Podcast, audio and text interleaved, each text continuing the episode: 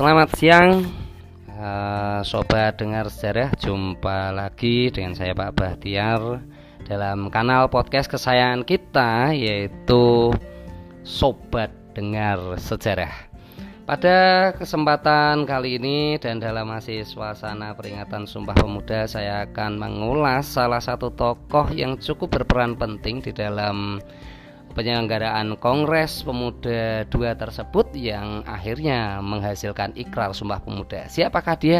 Ya, dia adalah Profesor Muhammad Yamin Sarjana Hukum atau yang kita kenal dengan Muhammad Yamin. Muhammad Yamin lahir di Sawah Lunto, Sumatera Barat pada tanggal 23 Agustus 1903 Orang tua beliau merupakan keturunan kepala adat di Minangkabau sehingga ketika kecil Muhammad Yamin sudah diberikan pendidikan secara adat maupun agama. Muhammad Yamin eh, sangat beruntung karena dia dapat memperoleh dan menempuh banyak pendidikan baik formal maupun non formal.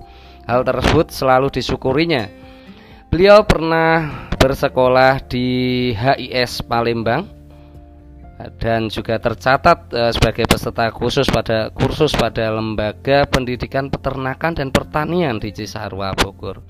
Setelah itu, beliau melanjutkan pendidikannya di AMS Yogyakarta. Setelah tamat, uh, beliau melanjutkan pendidikannya di HIS Jakarta. Muhammad Yamin uh, merupakan sosok yang sangat tinggi uh, mempunyai semangat untuk mempelajari kesusastraan asing khususnya Belanda. Saat bersekolah di IMS Yogyakarta sebenarnya beliau sedang mempersiapkan diri untuk menempuh pendidikan kesusastraan timur di Leiden, Belanda. Di IMS beliau mempelajari bahasa Yunani, bahasa Latin, bahasa Kawi dan sejarah purbakala. Namun rencana berangkat ke Leiden tersebut gagal karena ayahandanya meninggal. Semangat Yamin untuk terus belajar pun e, tidak berhenti sampai di situ. Beliau lalu kembali melanjutkan pendidikannya di Rechten Hogeschool atau Sekolah Tinggi Hukum di Jakarta.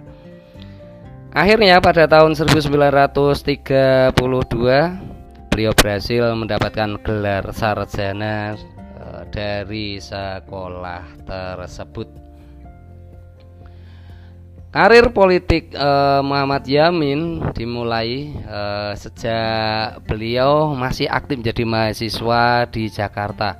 Beliau bergabung dalam organisasi Young Sumatranen Bond dan beliau juga berperan dalam menyusun ikrar Sumpah Pemuda yang dibacakan oleh Sukondo Joyo Puspito pada Kongres Pemuda II.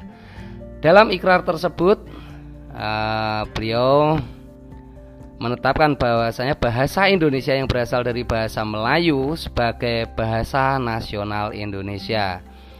Yamin mendesak supaya bahasa Indonesia dijadikan sebagai alat persatuan. Dan setelah kemerdekaan, bahasa Indonesia menjadi bahasa resmi serta bahasa utama di dalam kesusastraan Indonesia. Pada tahun 1932, eh, beliau juga tercatat sebagai anggota Partindo atau Partai Indonesia ya. Setelah Partai Partindo bubar bersama beliau bersama Adnan Kapaugani dan Amir Sarifuddin mendirikan organisasi pergerakan baru yang disebut dengan Gerakan Rakyat Indonesia atau Gerindu. Tujuan Gerindu adalah untuk meningkatkan kesadaran publik akan ide-ide nasionalis dan mengorganisir rakyat.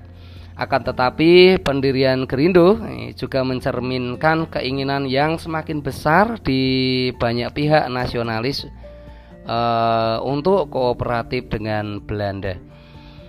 Kesediaan ini muncul dari uh, munculnya banyak tekanan terhadap uh, kaum nasionalis. Terlebih setelah kaum nasionalis ini mendapat tekanan dari yang luar biasa dari pemerintah Belanda. Gerindo berharap melalui kerjasama itu uh, Belanda juga nanti akan membentuk sebuah badan eh, badan legislatif semacam badan legislatif tersendiri di wilayah jajahan. Dan pada tahun 1938 hingga tahun 1942 eh, Muhammad Yamin tercatat eh, menjadi anggota Volksrat atau eh, badan rakyat ya badan rakyat nah, ini semacam badan perwakilan di India Belanda nah, sebuah badan penasihat yang dibentuk uh, pada tahun 1917 oleh Belanda. Selama pendudukan Jepang, Yamin Muhammad Yamin bertugas pada organisasi Pusat Tenaga Rakyat atau Putra, sebuah organisasi nasionalis yang disokong uh, oleh yang dibentuk oleh pemerintah Jepang ya, ia terpilih sebagai anggota eh, BPUPKI pada tahun 1945 ketika uh, Jepang kemudian menjanjikan sebuah kemerdekaan terhadap Indonesia. Dalam sidang BPUPKI uh, Muhammad Yamin berpendapat agar hak asasi manusia dimasukkan dalam konstitusi negara. Muhammad Yamin juga adalah anggota panitia 9 yang bertugas merancang undang-undang dasar dan akhirnya panitia ini menghasilkan pembukaan yang memuat intisari pidato uh, Bung Karno uh, pada tanggal 1 Juni 1945. Muhammad Yamin uh, banyak bekerja uh, dalam organisasi tersebut ketika BPUPK uh, ini pada sidang yang kedua mulai tanggal 10 Juli sebuah komite yang terdiri dari 19 anggota bersama dengan Profesor Supomo uh, beliau berhasil menghasilkan rancangan UUD selama tiga hari pada tanggal 17 Agustus 1945 eh, ketika proklamasi eh, berhasil dikumandangkan Muhammad Yamin eh, terus eh, berperan dalam eh, Republik Indonesia dia memangku pernah beliau pernah memangku jabatan-jabatan penting uh, sejak Indonesia merdeka. Beliau pernah menjadi anggota DPR eh, sejak tahun 1950, uh, kemudian pernah juga menjadi Menteri Kehakiman, Menteri Pengajaran, Pendidikan dan Kebudayaan pada tahun 1953 sampai 1955.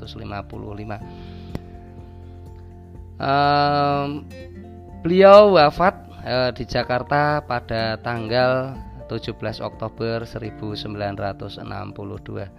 Sebagai pencetus ide-ide penting, Muhammad Yamin eh, sangat memberikan kontribusi pada kebangkitan eh, pergerakan nasional maupun eh, saat Indonesia sudah merdeka dan e, untuk menang jasa dan perjuangannya Eh, beliau ditetapkan sebagai pahlawan nasional Indonesia berdasarkan keputusan Presiden nomor 88 garis miring TK garis miring 1973 beliau ditetapkan sebagai pahlawan nasional pada tanggal 6 November 1973. Banyak hal-hal positif yang kita bisa contoh dari sosok Muhammad Yamin.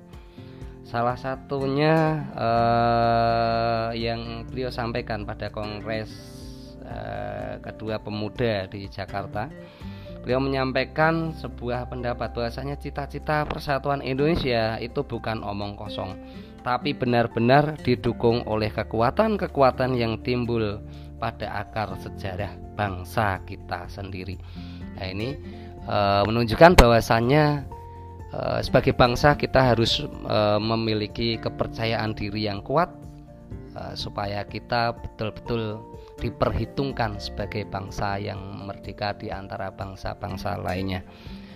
Demikian ulasan dari saya uh, tentang sosok Muhammad Yamin. kurang lebihnya saya mohon maaf. Semoga banyak ilmu yang bisa kita ambil. Terima kasih. Assalamualaikum warahmatullahi wabarakatuh. Tetap uh, setia dengarkan sobat dengar sejarah